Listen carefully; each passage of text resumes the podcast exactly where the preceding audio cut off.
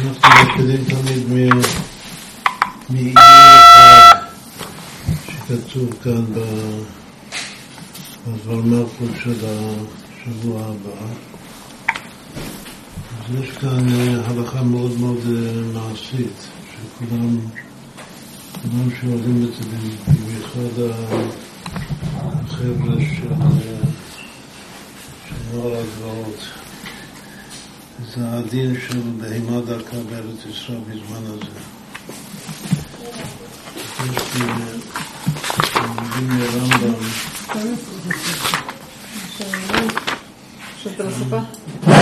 פשוט לשמוע. כן. יש פה הלכה מאוד מאוד מעשית. האם מותר לגדל בהמה דקה בארץ ישראל בזמן הזה? שזה הלכות נזקי ממון. בשבוע הבא מתחילים, מתחילים אה, נזיקין אחרי טהרות. וההלכה, ההלכות הראשונות בנזיקין זה נקרא נזקי, נזקי, הלכות נזקי ממון, חלק ה' הלכה ב'.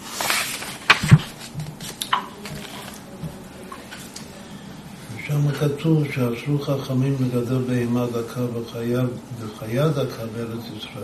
מה הסיבה? בהמה דקה זה עזים וכבשים. צאן, צאן ועזים זה בהמה דקה. בהמה גסה זה שברים. כן, אבל מה הסיבה שהם אסור לגדל אותם? הסיבה הפשוטה בגלל שזה גדר, שהן מהירות בשדות אחרים. שהם כאילו... לא מקפידים לשמור אותם, והם יוצאים ומזיקים, גם כן רואים לשתות אחרים, וגם כתוב שמקלקלים את העצים.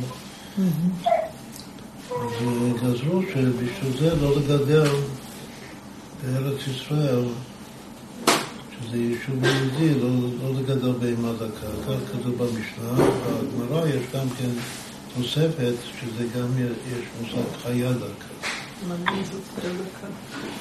זהו, זה לא כל כך פשוט. אז כתוב בגמרא שחיי דקה זה צבעים.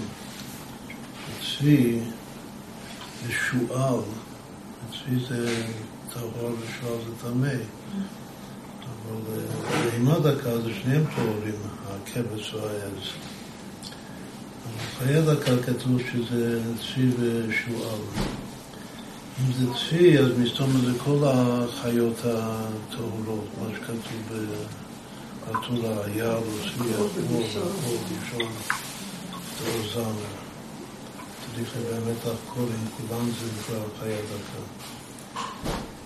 בכל אופן, העיקר מה שכתוב תמיד זה רק, רק המושג בהמה דקה. בהמה דקה זה, שוב, זה קטע של... עכשיו, יש שתי סיבות. יש סיבה הפשוטה שזה גזל. כאילו שמזיקים למישהו אחר, אז נקרא לזה איסור גזל. נזקי לכן זה כאן כתוב נזקי ממון, ככה סובר הרמב"ם. זה אסור משום גזל. אבל יש רש"י, שלפי רש"י גם התוספות והראש סוברים שזה, שזה דווקא בארץ ישראל משום משום ארץ ישראל. הכוונה מישהו בארץ ישראל? שהעיזים אוכלים את ה... את הצבועה. גם בבית שלך, אפילו שזה לא, לא אוכל אצל מישהו אחר. אפילו אצלך, זה מחזיק את הקרקע. כאילו שאוכלים את הדברים, וזה... מפסיד את יישוב ארץ. גם לפי הרמב"ם זה איסור דווקא בארץ ישראל. אבל הרמב"ם. אבל הרמב"ם כותב שזה גם בארץ ישראל דווקא. בגלל שבארץ ישראל זה יהודים. כותב... אומרת שבבבל עשו כמו ארץ ישראל בגלל שזה יישוב גדול של יהודים. הוא לא מביא פה בבל, הוא כותב ככה. אסרו חכמים לגדל בהמה דקה וחיה דקה בארץ ישראל, במקום השדות והכרמים, אלא ביערים ומדברות שבארץ ישראל, מגדלים בסוריה בכל מקום. כן, כן, במקום שזה הפקר, שזה מדבר, מותר. בסוריה, שזה לא כיבוש, כתוב שסוריה זה לא כיבוש שלם, זה לא נספק. זאת אומרת, זה לא ארץ ישראל. אז זאת אומרת שהטעם פה הוא יישוב ארץ ישראל. כן, אבל לא משום יישוב, משום גזר של יהודי. לא, אם זה בחוץ לארץ, אני לא, לא חושב שזה גזר של מישהו אחר. בכל מקרה, דווקא בארץ ישראל. השאלה היא האם החשש זה גזר של יהודי או שזה עניין של יישוב ארץ ישראל, לא אכפת אם יש שם יהודי או אין שם יהודי. אם זה בסוריה, שזה גזר של מישהו אחר של גוי, אז גם צריך לשלם. אסור לגזור גם מגוי. אבל שם משלמים, אם הזרקת למישהו, צריך לשלם לו. אבל כאן פשוט גזרו לא, לא לגדל אותם, שזה לא... השאלה היא רק מה הטעם של הגזרה. הגזרה היא רק השאלה מה הטעם שלה. אז יש כאלו שחושבים שזה אותו הדבר. כאן כמו, אני עכשיו קורא מה שכתוב כאן, וכאן זה כמו שיש הרבה שסובלים שבאמת שזה שני טעמים שונים. הטעם של גזר, שזה הטעם של הרמב"ם, והטעם של יישוב ארץ ישראל, שזה, שוב, מה אנחנו מילה אם גם בבית שלך זה גם אסור, בשדה שלך, שזה לא, לא גוזר מאף אחד, רק מעצמך, אבל אתה מקלקל את הקרקע. לפי הראש זה אסור גם, גם אצלך בבית לגדל את הבהמה הדקה. ככה הייתה גזירה. בכל אופן, אני קורא כאן, מה שכתוב כאן, שזה בתורת חלק. הלכה זו באה בהמשך להלכה דנה באיסור גרימת נזק. כלומר, כאן זה בהלכות אה, נזקי ממון, וזה המשך של, אה, של נזק. מכך מובן שלדעת הרמב"ם האיסור לגדל בהמה דקה בארץ ישראל הוא כדי שלא להזיק לאחרים. שלא תזיק, שאם תזיק לכוונה שאתה גזרת מהם. אבל רש"י בבבא קמא כתב שהאיסור הוא משום יישוב ארץ ישראל. משום הפסד הזרעים הנצרכים לאכילתה. העיקר צריך זרעים בשביל האכילה, והעיזים, אוכלים אותם. כאילו אוכלים את האוכל שלך. הגורם למיעוט... באמת העיזים אוכלות את ה... משום הפסד, נראה עוד פעם מה הוא כותב, הוא כותב, משום הפסד הזרעים הנצרכים לאכילתה, הגורם למיעוט זריעת השדות בארץ.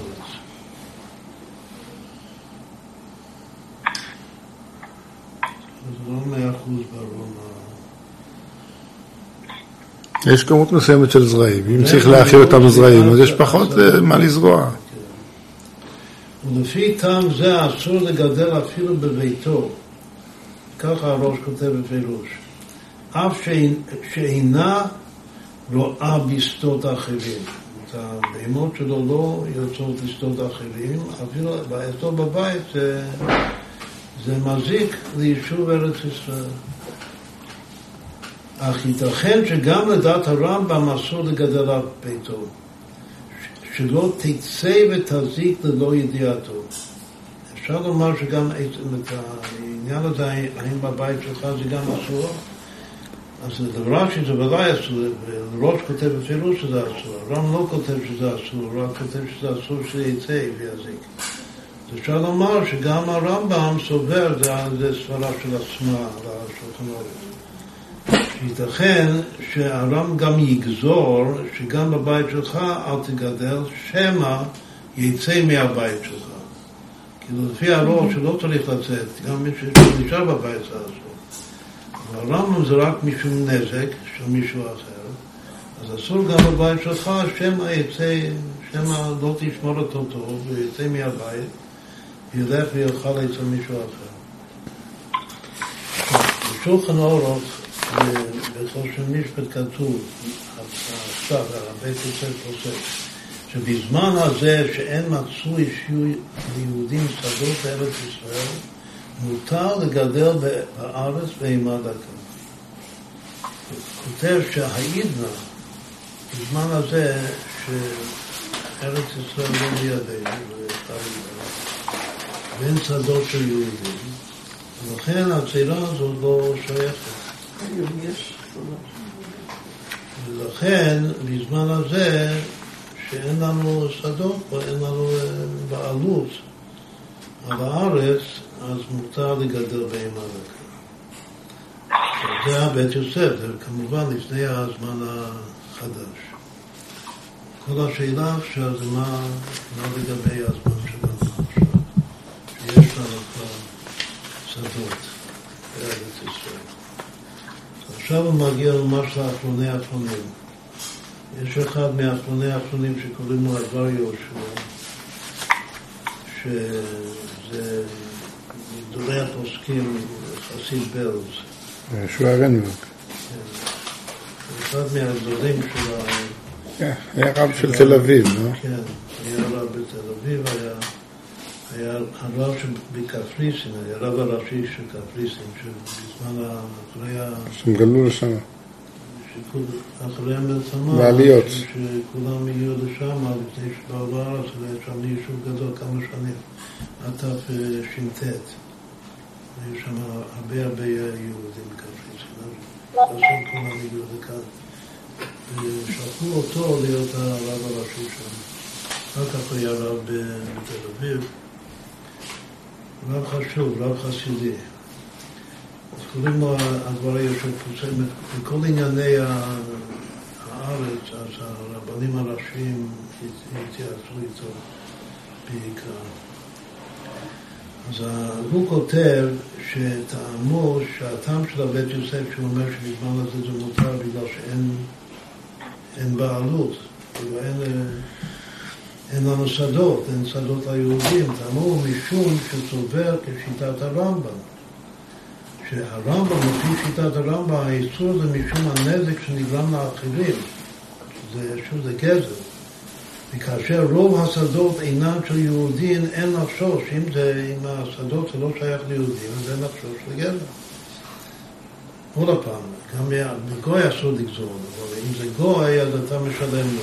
לא גוזרים שאסור לגדל את הבהמה דקה משום זה.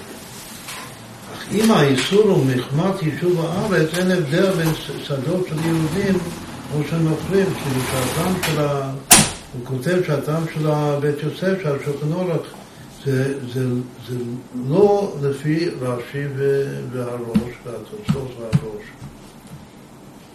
שהטעם זה משום יישוב ארץ ישראל. עכשיו, תכלס, האם מותר היום לגדל כבשים ועיזים בארץ? בפוסקי זמננו דנו האם ההתר המובא בשולחן אורך, שבזמן הזה אין, אין לנו שדות, אם זה קיים גם היום, כאשר רוב השדות הן כן של היהודים, היום זה כן שייך לנו ברוך השם. אז יש שכתבו שאכן בימינו חזר הדבר לישראל. בזמן הבית יוסף זה היה מותר, בגלל שזה לא שייך לנו. אבל דווקא בגלל שזה שייך לנו, אז האיסור חוזר. מי סובר ככה? אז כאן הוא מביא את זה בשם הרב עובדיה יוסף. הוא פוסק ככה. שמה, שמותר? שאסור. כאילו שהאיסור חוזר. בגלל שזה עכשיו זה שלנו, לכן האיסור חוזר. גם הרב אוזנר עושה ככה, וגם הרב קוק עושה ככה, דווקא הרב קוק. אז יש כמה שפוסקים ככה, שהאיסור חוזר. אז מי מתיר? וזה, וזה גם פשוט. כאילו, כל ה... זה כותב. יוסף, הבית יוסף אמר שהיום זה מותר, הוא אמר את זה כאילו מילתא בטיימר. מתוך סברה, שהיות שזה לא שייך לנו, אז לכן זה מותר. אבל עכשיו שזה כן שייך לנו, אז זה אסור. ככה, לכאורה ככה זה הסברה הפשוטה. אבל יש שכתבו שמאחר שבמשך הזמן מתפתח האיסור, עכשיו מי שכותב את זה, זה הרב של ירושלים היה צבי פסח פלנק. אה, והוא אה, פוסק מאוד מאוד חשוב. והוא כותב ככה, הוא אומר שהיות שאלפי שנים האיסור הזה התפטר, בגלל שזה לא היה שייך לנו, אז כיוון שזה יתפטר, בשביל שזה יחזור ויתחדש, הוא אומר שצריך עוד פעם לגזור את זה מחדש, צריך בית דין ש... שיגזול את זה מחדש. זה כבר בטל. הוא כותב, יש שכתוב שמאחר שבמשך הזמן יתפטר האיסור, שוב אינו חוזר לאיסורו, כי כדי לחדשו נדרשת תקנה חדשה, אם רוצים לחדש את זה צריך תקנה חדשה, ואין אנו גוזרים גזירות חדשות. היום אין כזה דבר ש... שיבוא בית דין ויגזור גזירות חדשות. עכשיו, הוא היה לפני הרב עובדיה. הרב עובדיה, פשוט כל התשובה שלו זה לסתור, שהוא מביא המון המון דוגמאות מחז"ל שגזירות התבטלו וממילא התחדשו עוד פעם, כאשר התנאים משתנים. אז הרב פרנק אומר שכיוון שזה ייפטר הרבה זמן... מי זה היה הרב פרנק הזה? הרב של ירושלים, אחרי הרב. זה רב אה, של ירושלים, רב מאוד חשוב. והספר שלו קוראים לזה הר צבי, קוראים לו צבי, שו"ת הר צבי. שו"ת הר צבי. אז הוא פה, שוב, הוא אומר שהיות שזה ייפטר הרבה זמן, אז צריך, אה, אם רוצים לחדש את זה, צריך תקנה חדשה, ואנחנו לא עושים תקנות חדשות. ולכן זה עדיין, זה עדיין בטל, כלומר שזה מותר. בא הרב עובדיה ואומר לא, הוא אומר שיש לי אה, עשרות דוגמאות של גזירות שהתפתלו ומתי שהתנאים חזרו להיות כמו קודם, אז זה יתחדש מעצמו, לא צריך... אה, חנה, את יכולה ללכת אליו? לעשות תקנה חדשה. תנסי להרדים אותו.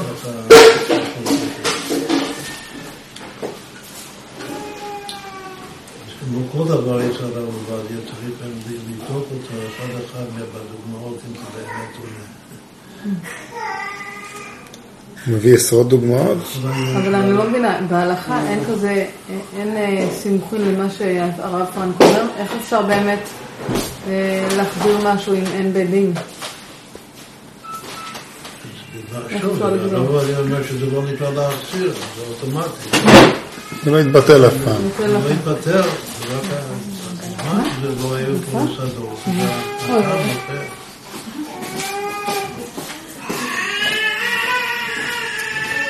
כל הגדולה של הרב עובדיה זה שהוא בקיא, זה הביטוי שלו. זה הדוגמאות שהוא. צריך לבדוק אותם, צריך תמיד לבדוק אותם אחד אחד.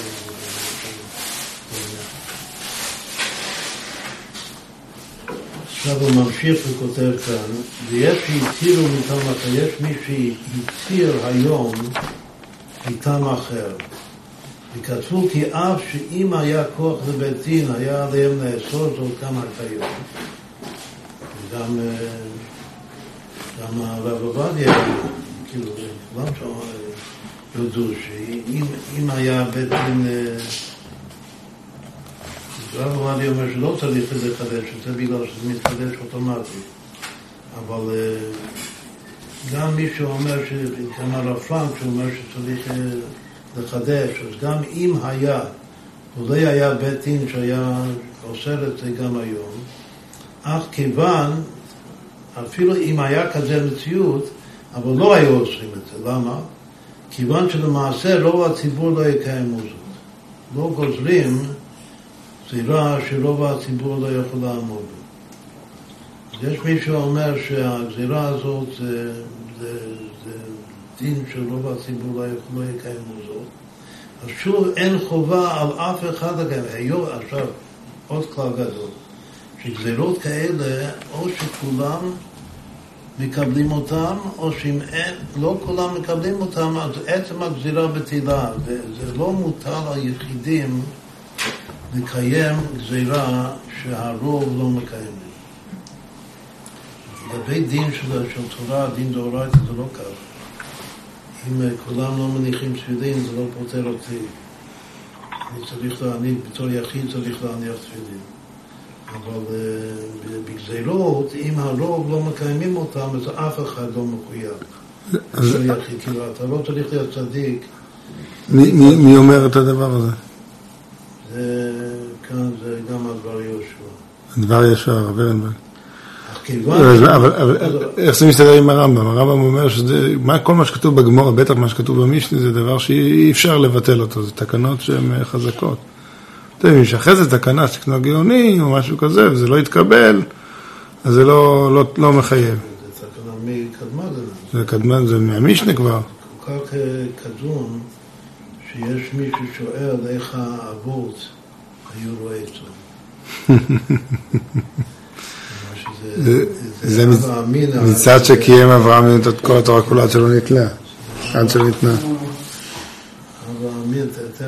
כנראה הם עשו את זה במדברות שבארץ ישראל, כמו שהרמב"ם כותב. בכל אופן, זה תקנה באמת... אה, יסודית, אז אני כאילו, מנסה להבין על. מה- הדבר ראשון מסתמך, על איזה, איפה זה כתוב הדבר הזה. שאם תקנה לא, לא, לא, לא, לא הצליחו לקיים, לא התקבלה, זה, זה כתוב לגבי טבילת עזרא. אה, שווה, זה זה שרוב הציבור לא יכולים לעמוד בו, זה... זה, זה כשבית דין גוזרים, אז הם צריכים לחשוב על זה. אז אם גזרו, ויש אבל- דוגמאות שכתוב שבית דין גזרו, ואחר כך ראו... אחר כך, בסדר, זה כתוב לגבי, לא- לא. זה כתוב על דבר, דבר אחד, זה על טבילת עזרא. זה אומר שאם, שאף אף אם היה אפשר, כאילו, סובר לפי הרב פרנק שגם לדעת הרב פרנק, ש... אם היה בית דין היה אפשר לזה, אז לא היו, לא מתקנים כזה תקנה היום. הוא מחזק אותו. פשוט מחזק אותו, שגם אפילו אם היה כזה בית דין, הוא לא היה גוזר כזאת הוא היה גזירה. גוזר כזה דבר, בגלל שלא בציבור לא הסברה העיקרית שיש זה של הרב פרנק, שבעצם התקנה הזאת בטלה ועכשיו אי אפשר לחדש אותה.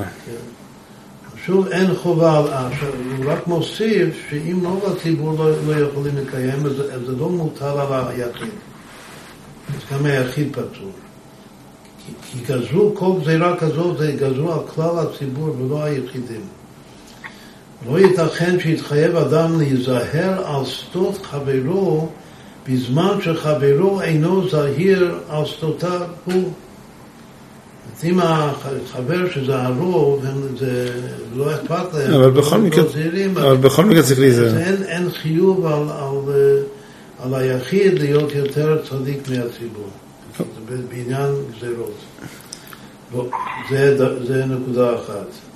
כתוב עוד, עוד נקודה, שתקנות חז"ל מעין אלו אינן מוטלות על אדם פרטי, אלא על הבית דין שבכל זאת. זה לא עניין שהאדם ידון לעצמו שאני רוצה להיות שוב חסיד ולא אה, לא לגרום לגזל, להזיק למישהו.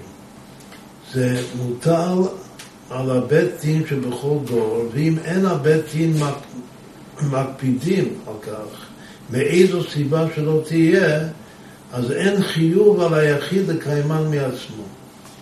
זה אותו, אותו, אותו עניין.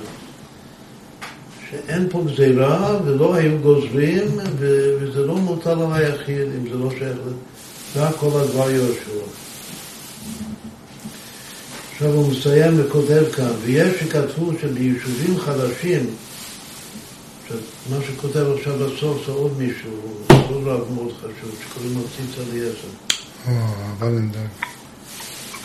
שהוא אה, רב אה, אשכנזי כמובן, ש... שנולד בירושלים, כאילו לא, לא מבוס- לא מבוסר, הוא ישראלי לכל דבר, כן. ציוני נלהב. עושה כמו כמו גדולי הרבנים של ירושלים. הוא פוסק חשוב. כמה שאני הבנתי, הוא, הוא, הוא פוסק, אה, הוא פוסק שנחשב יותר פוסק אה, מקל.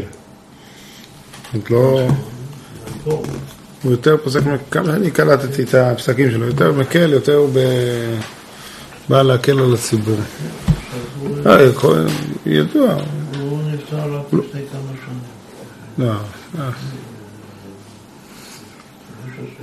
כן, אני חושב, כן, נראה לי חושב. כן. בכל אופן, אה, מה הוא מוסיף? הוא מוסיף ככה, יש שכתבו שביישובים חדשים שנוסדו, אדם שהתקיימו עכשיו בארץ, שיש יישובים חדשים שנוסדו על דעת כך שהתקיימו מגידול בהמה דקה, כאילו זה לכתחילה, היישוב כאן על לגדל כבשים, בהמה דקה, עזים. אז זה ודאי הדבר מותר לכל הדעות. כי זה היישוב. למה משום שעל דעת כן התיישבו המתיישבים. אז אין בזה גזל וגם אין בזה בעיה של איש. מחלו בזה, יש מקום מחילה, לכתחילה, שמחלו אחד על שני, והאיסור הוא רק כאשר כל אחד יעצמו. אז האיסור הזה ש, שאני כאן לעצמי ואתה שם לעצמך, ואני יכול עם הבהמות שלי לגזול, להזיק לך. אבל אם זה יישוב, יש עוד נקודה שהוא לא כותב כאן, ש, שהוא כותב אה, את הציצה הזאת של היישוב, אם יש להם בהמות, אז הם דואגים שה, שהבהמות יראו רק בתוך השטח של היישוב, שלא יצאו ליישוב אחר. יש איזו אחריות, זה כבר לא... זה כבר ממוסד. יש לבהמות יראו רק בתוך היישוב, וזה כל אחד מוכר לשני. בתוך היישוב. צאן אף פעם לא רואים בתוך היישוב. מילא לכל הדעות זה מותר. כאן הוא מביא. עכשיו, יש על זה, מה שנקרא, נשמרו קומוסים רבים רבים על הסוגיה הזאת היום, ואם מחפשים בגוגל, אז יש ריבוי מאמרים על הדבר הזה, על היתר.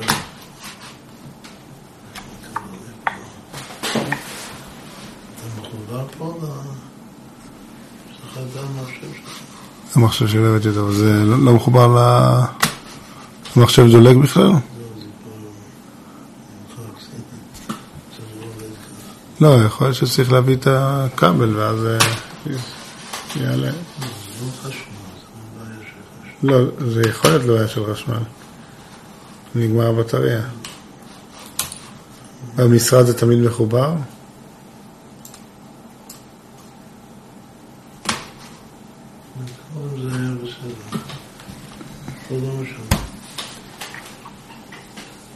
יש דעה חשובה מאוד שהציץ הדעה וגם מסתמך עליו, שזה, יש שו"ת הרמה מפעם, זה לא כותב את זה כאן בכלל, שהרמה מפעם כותב שלכתחילה הגזירה הזאת, התקנה של חז"ל, זה רק היה שהבהמות לא היו שמורות. כאילו שהבעלים לא סגר את הבהמה. אבל אם הבהמות היו אה, שמורות, כאילו שלא ראו בכלל... שדות זרים. אז הם בכלל הגזירה. אז אה, זה, הדבר הזה זה כאילו יכול לגמרי להתיר לכתחילה, כאילו שאף פעם לא הייתה גזירה על בהמות שמורות, אבל שואלים שהרי כתוב שאפילו אפילו בבית, כמו שהראש כותב. בסדר, הראש ברור שלא עם השיטה הזאת. ישוע ארץ ישראל לכאורה זה לא שייך. בכל אופן, זה תכף נראה כאן ב... נגיד את זה אולי יותר בסוף, שהוועדת, אז אפילו אם אם העז היה קשור לקרי המיטה, אז זה גם, גם אסור לחסיד גדול כמו לחמי בן דוסה. תכף נראה את הסיפור כאן. בכל לפני כן, לפני כן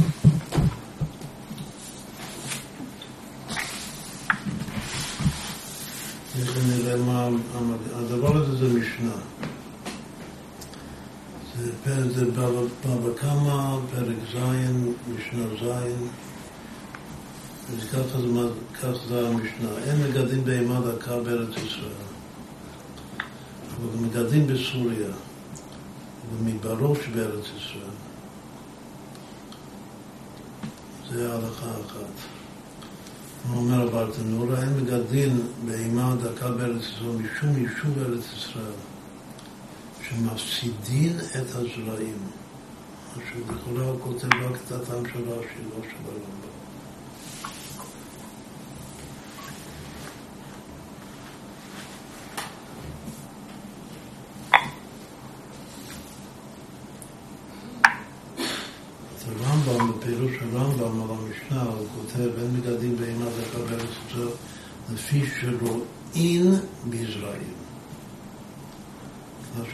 רואה בזרעים של מישהו אחר, משהו, מזיק למישהו אחר.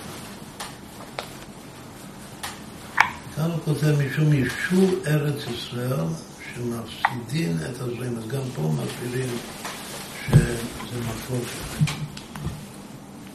איך להסביר את הטעם.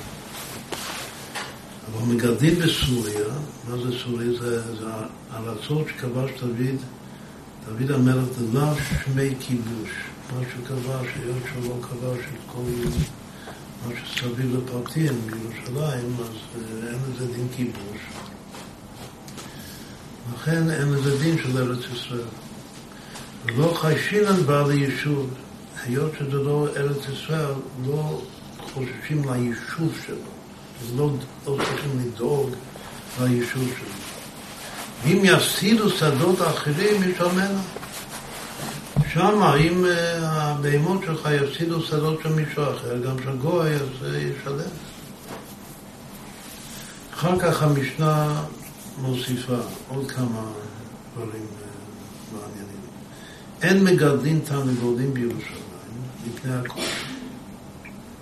תרנגולים מחטטים בהשפעה ויכולים להוציא איזה שרץ, איזה עצם של שרץ, ולהביא את זה ולנגוע בקודשים ולטמא את הקודשים, לפסול את הקודשים. לכן לא מגדלים תרנגולים בירושלים.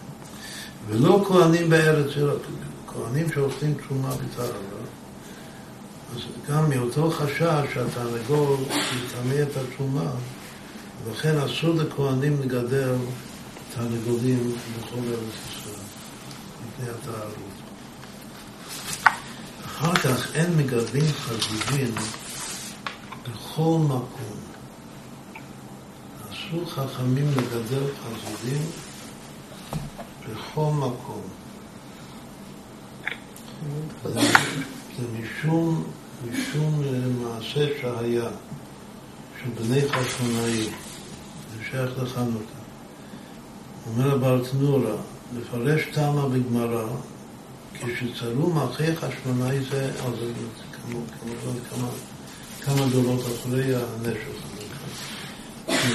שצרו המלכי חשמונאי של הורקוס ארסטובוס, של החמור, וצרו מלכי החשמונאי זה על זה, היו רגילים בכל יום שהיו אלו שבחוץ, היו יהודים בחוץ, לא היו כבר פרסים בתוך ירושלים. אז לא היה להם להקריב קורבנות. אז אלו שבחוץ היו מעלים מעבר לחומה של ירושלים כבשים בשביל הקורבנות. היו מעלים להם תמידים לאלו שבפנים. יום אחד רצו לה מישהו שם, רצה לעשות צחוק, כאילו איזה מייזיד אחד. במקום להעלות אה, כבש, הוא העלה חזיר. כיוון שהגיע לחצי חומה, כיוון שהחזיר הזה עלה לחצי חומה, נעץ ציפורניו בחומה, ונזדעזעה לארץ ישראל ארבע מאות פרסה וארבע מאות פרסה. באותה שעה אמרו, ארבו לנו לגדל חזירים. חכמים. אז קידדו אותה מי שמגדל חזירים. אחר כך המשנה ממשיכה, לא יגדל אדם את הכלב. כלב רע גם כן אסור לגדל אותו, אלא אם כן היה קשור בשושלת. ואמר את הכלב מפני שנושך ומנבח ומפל את אישה מיראתו. שכלב נושך ומנבח, דווקא מנבח, אז זה עלול להזיק לאישה בהיריון. שתפיל את, העובר מתוך הפחד של הכלב. לכן אסור לגדל כלב, אלא אם כן הוא קשור בשרשרת, כנראה שאם הוא קשור בשרשרת אז, אז אה, לא פוחדים ממנו.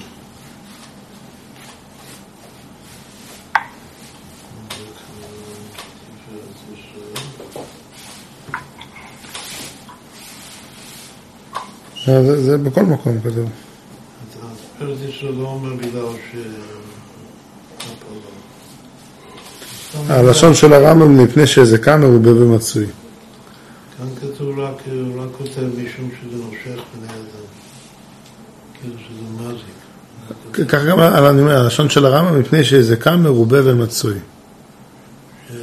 איזה קם, מרובה ומצוי. הוא כותב גם על חזירים ועל כלבים, הוא כולל אותם בהלכה אחת.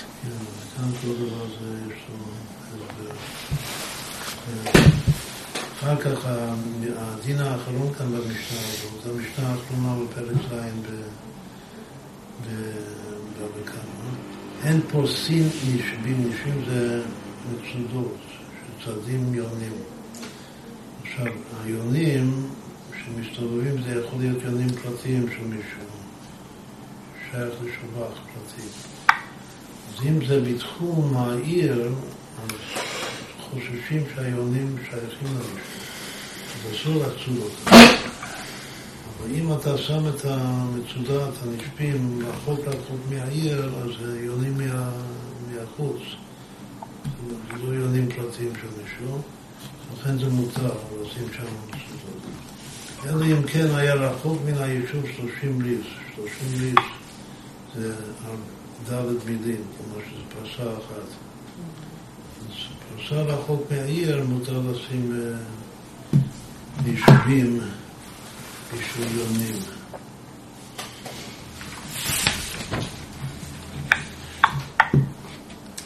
עכשיו נתחיל לעשות כמה רמזים לפני שנמשיך את עיקר העיון.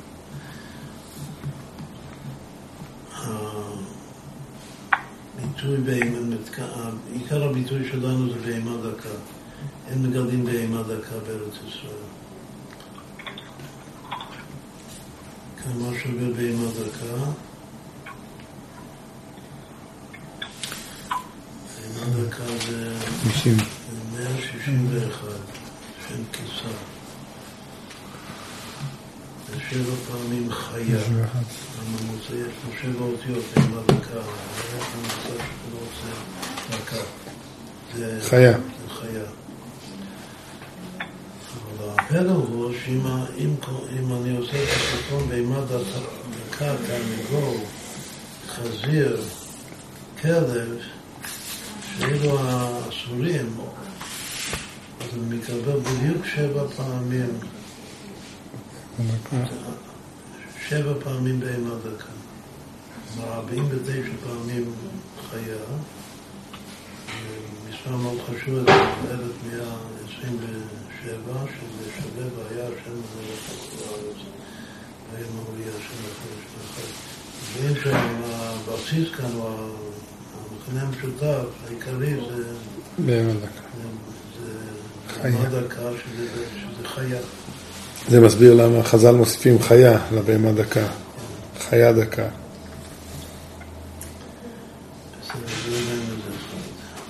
אני חושב בין כל החיות כאן במשנה. דקה, תרנגול, חזיר וכזה.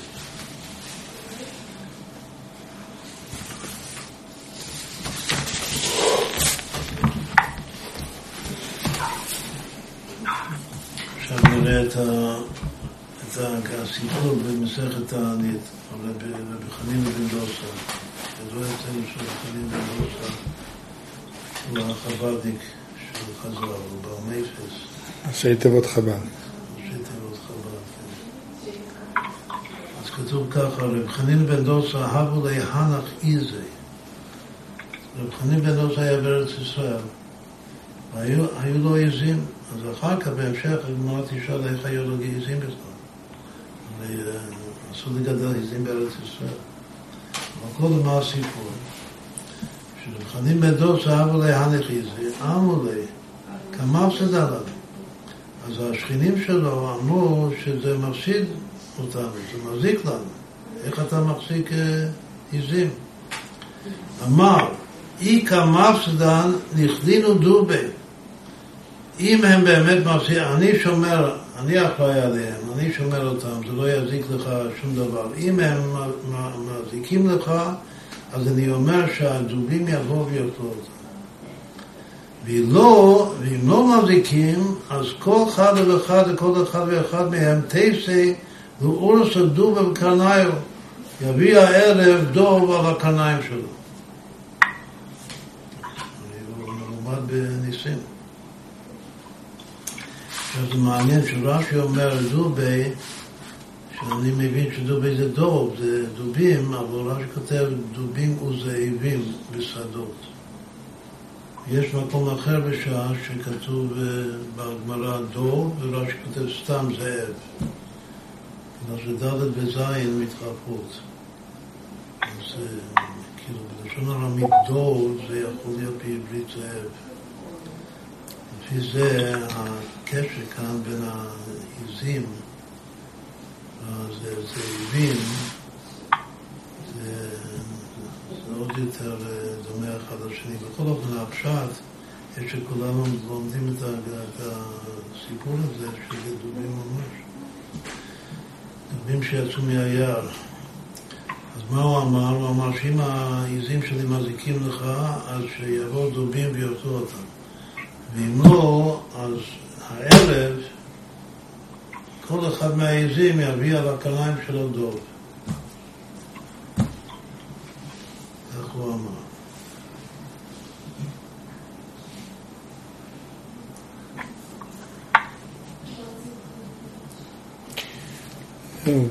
ואורסה אייסי כל חד וחד דוב בקנאיו.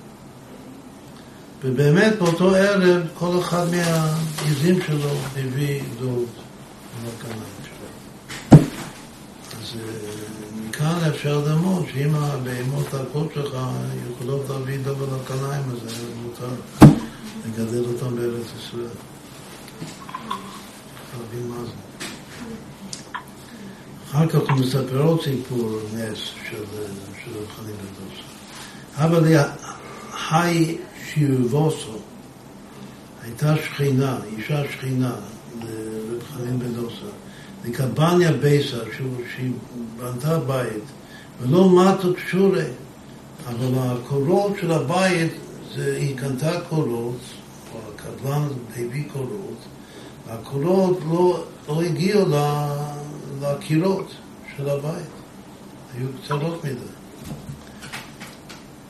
אסי לקמרי, אז היא באה לשכן שלה, לרב בן דוסה, ואמרה לה, בניסי בייסי, ולא קמתו קשוריי. בניתי את הבית שלי, והפרשי הקולות לא הגיעו לקירות. אמר לה, מה שמך? אז מה, איך קוראים לך? אמרה לה, איקו. קוראים לי איקו, א' י' כ' ו'. אז לפי רש"י הוא, הוא מפרש איקו כמו אריכו, דרש איקו שזה אריכו, עכשיו עורף, איקו, אריך אנפין. סימן שמכאן אפשר לומר שהשער של אריך זה איך, זה אח, אח טוב לישראל, אריכות. זה קוראים לך איקו. אמ, אמר איקו שווה ל"ז, יחידה, השם הזה. אמר, איקו נימתו קשורייך. אז אם קוראים לך איקו, אז שהקורות יתארכו, ויגיעו לקירות. ובאמת ככה היה בנס. תנא הגיעו עד שיצא, אמר לכאן ואמר לכאן. שהקולות התארכו בנס והגיעו יותר מהקירות המון מכאן והמון מכאן.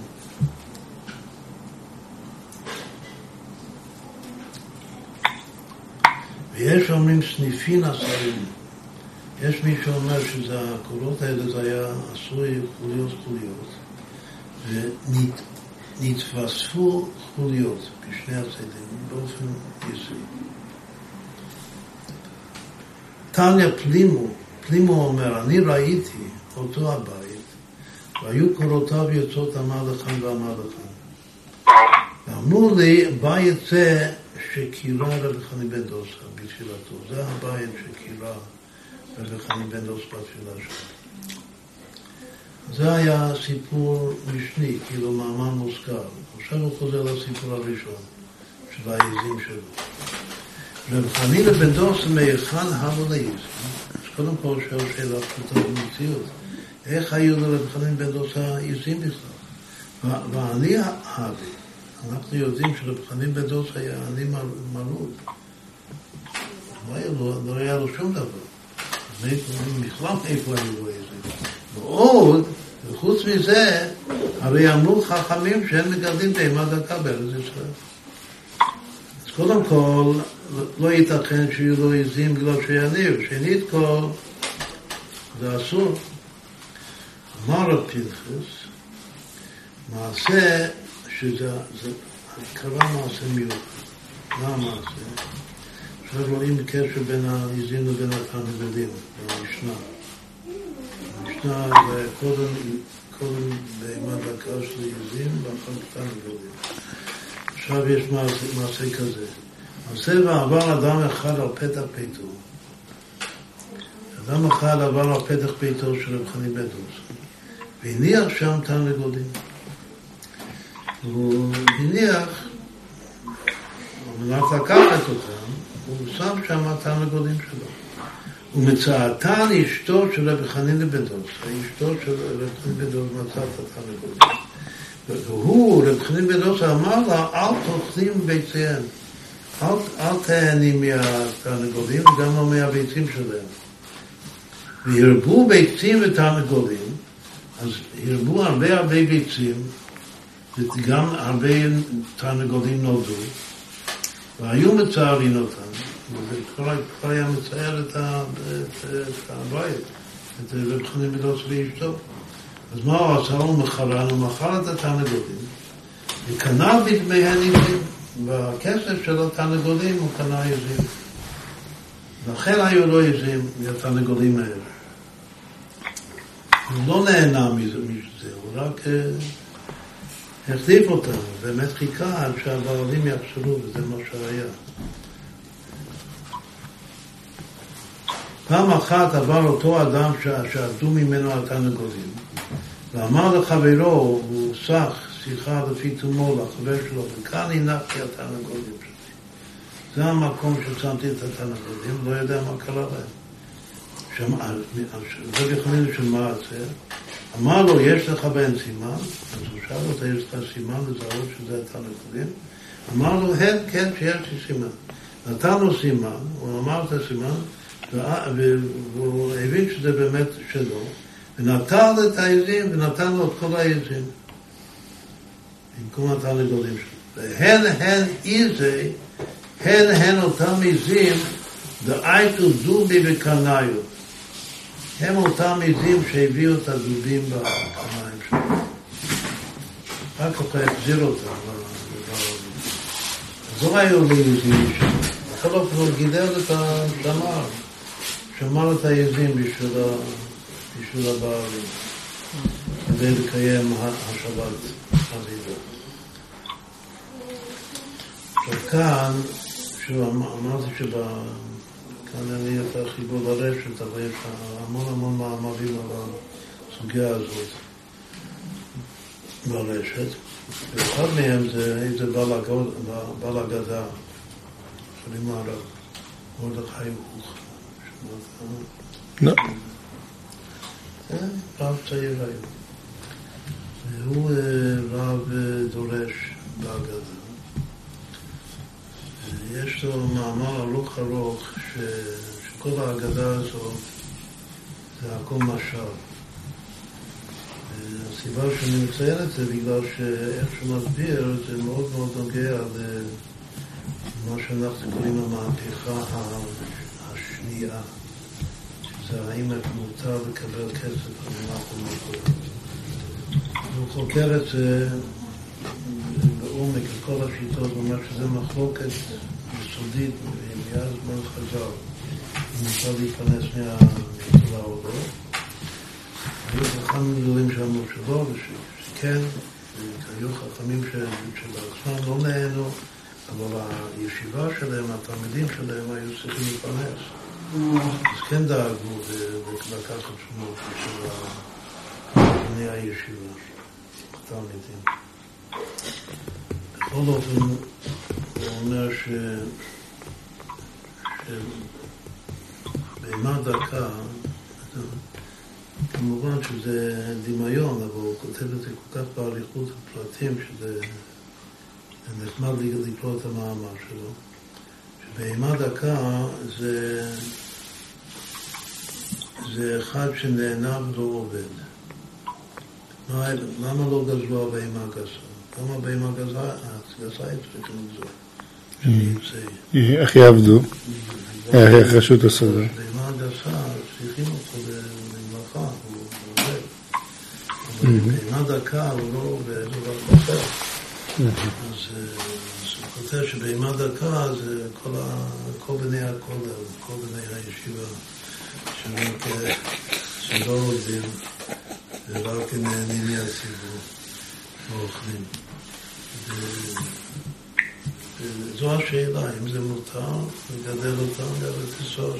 רבי חנינא בן דוסה שהוא לא נהנה ולא אוכל ולא עובד, הוא אומר שהוא מעצמו ככה, הוא סובר שהתלמידים שלו, בכל אופן זה ממש משהו מאוד משעשע לקרוא את המאמר שלו, של נחמן.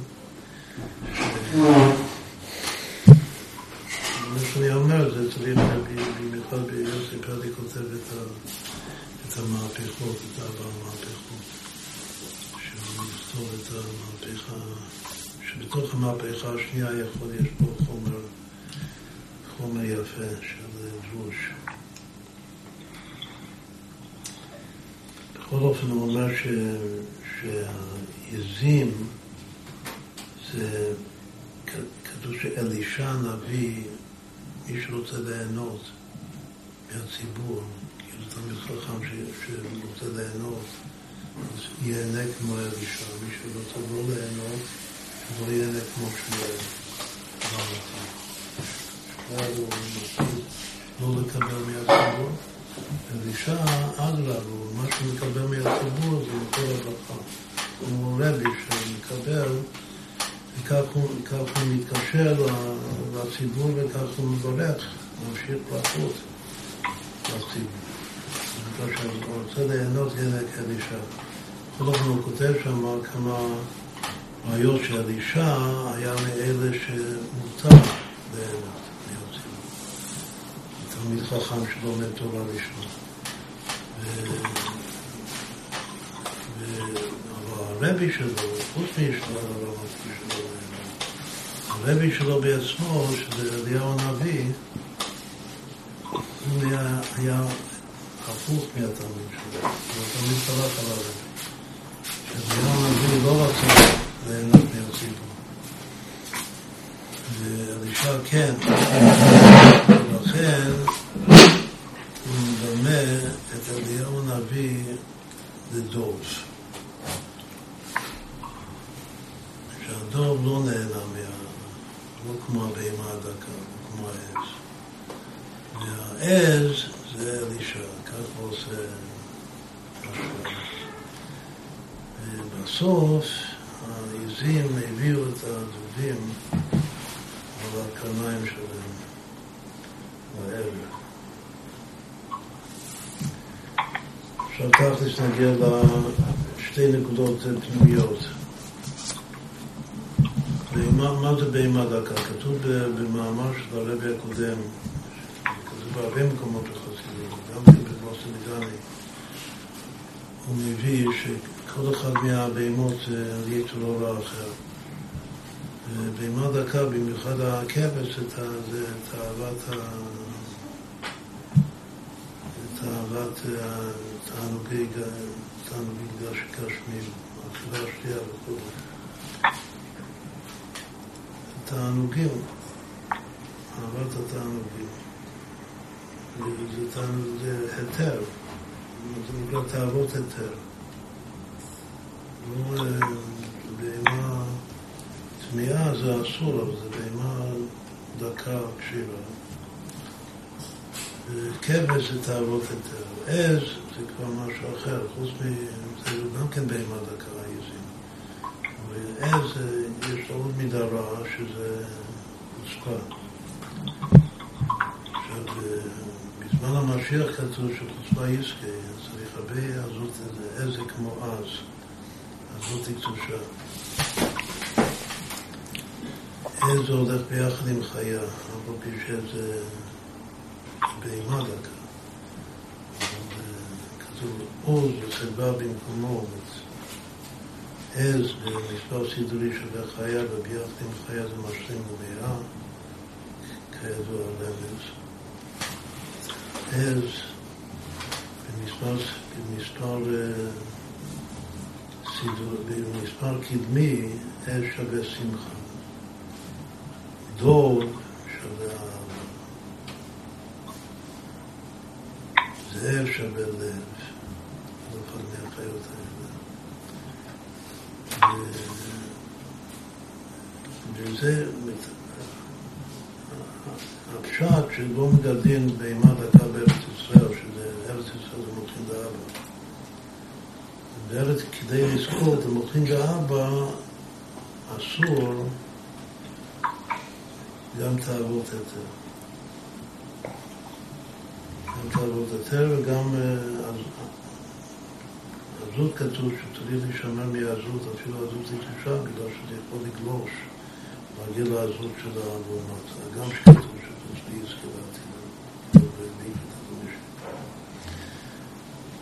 בכל אופן, עיקר הבהמה דקה שאנחנו מרגילים שבמידות זה תאוות היתר וזה לא צריך להיות בארץ ישראל.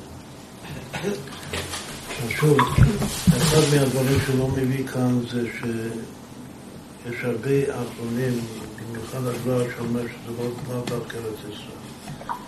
ובכל מקום, כמו בכל מקום שיש שם יישוב יהודי, יש את האיסור הזה של, שלא לגדל בהמה דקה, ומי שהכי כותב את זה בפירוש, ובכל זאת זה הגרף. ההגאות שלו על השולחן, אבל יש, יש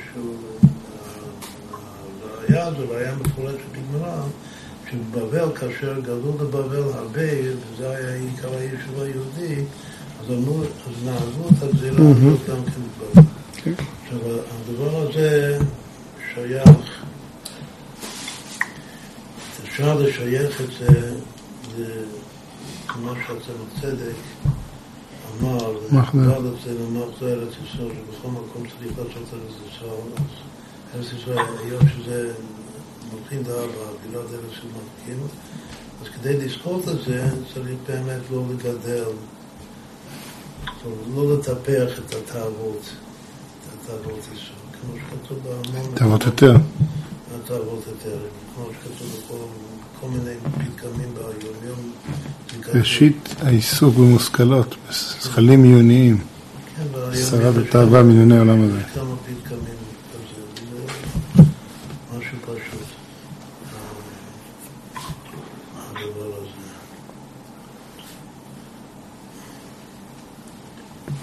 עכשיו תכלס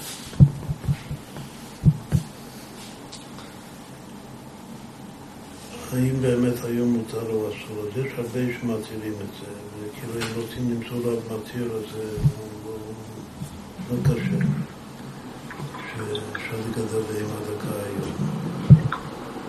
בארץ ישראל. ויש כאלה שאומרים שהיות שבכל אופן השמנים להם, עדיין עושים את זה, כאילו שיש עדיין קיים כזה דבר.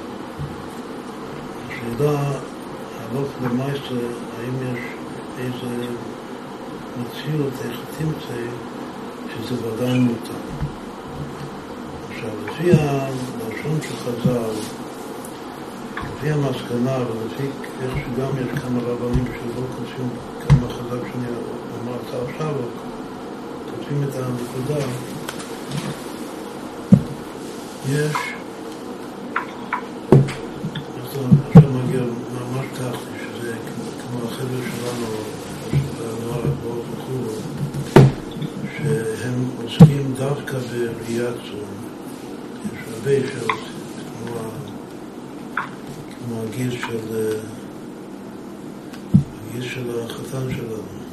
שלנו. גישה החתן של שיפמן.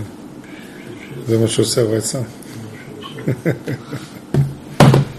עכשיו, מה ההתר?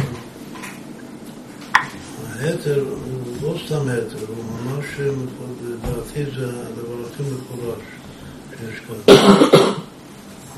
יש כאלה שאומרים שזה התר. ההתר זה, קוראים לזה כיבוש ארץ ישראל. שככה הוא, הוא לוקח שטחים כמו רבי חנינא בן דוסה, עושה השבת אבדה. יותר מזה, כתוב שכל האיסור, או שיש שני טעמים של האיסור, יש את הטעם של הרם שזה גזר, שזה נזק, יש טעם של ה... יישוב ארץ ישראל, של רש"י. של הצרפתים שלנו, שזה... שזה ארץ ישראל.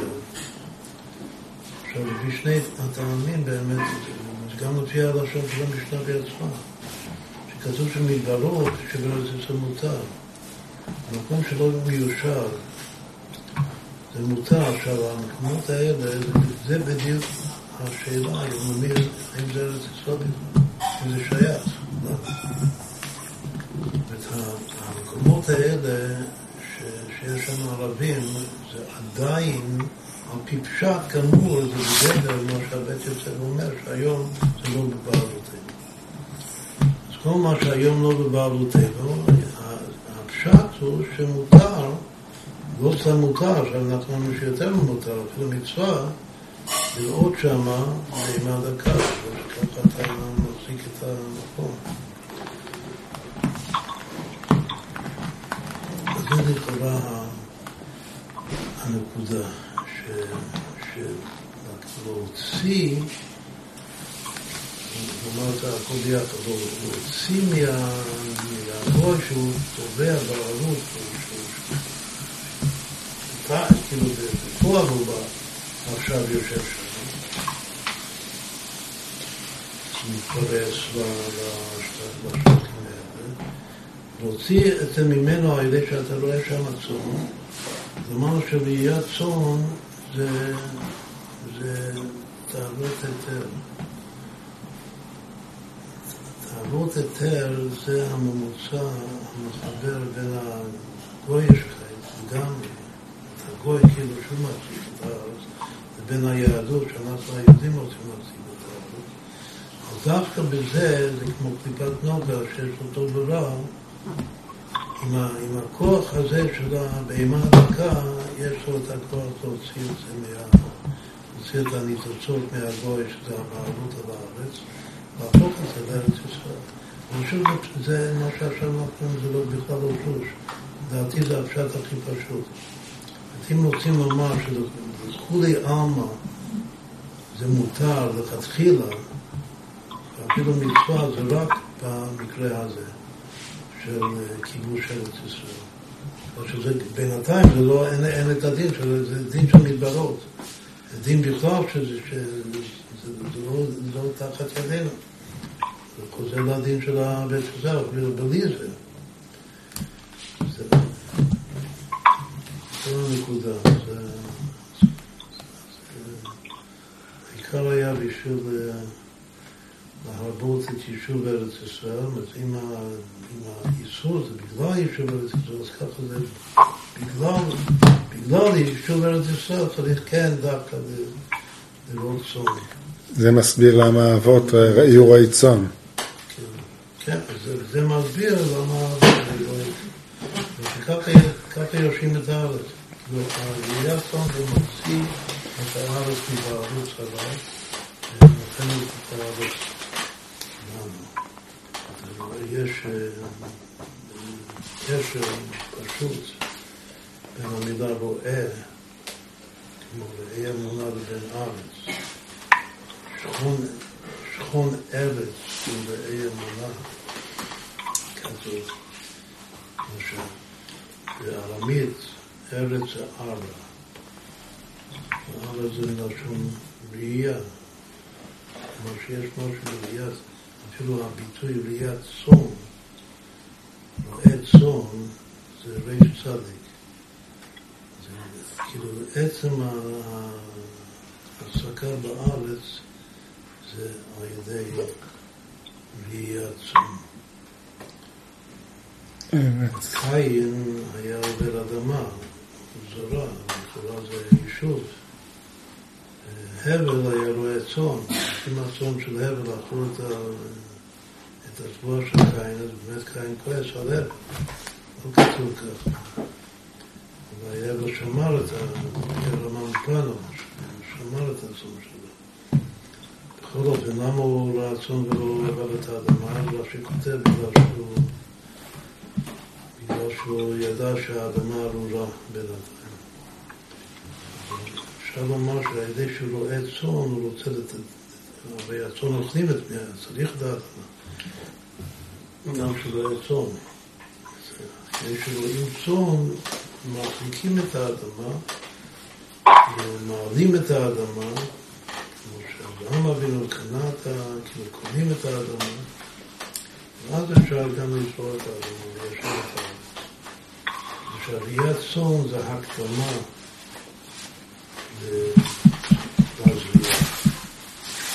אם יש כבר זריעה, אז צריך לא צאן כדי שזה לא יפסיד את הזריעה. עדיין את הזריעה שלנו ולא שלנו, אז חייבים קודם כל לראות צאן. שכל החבר'ה של שמביאים את הפרקים, שיצליחו את השליחות קודש שלהם, של על ישראל.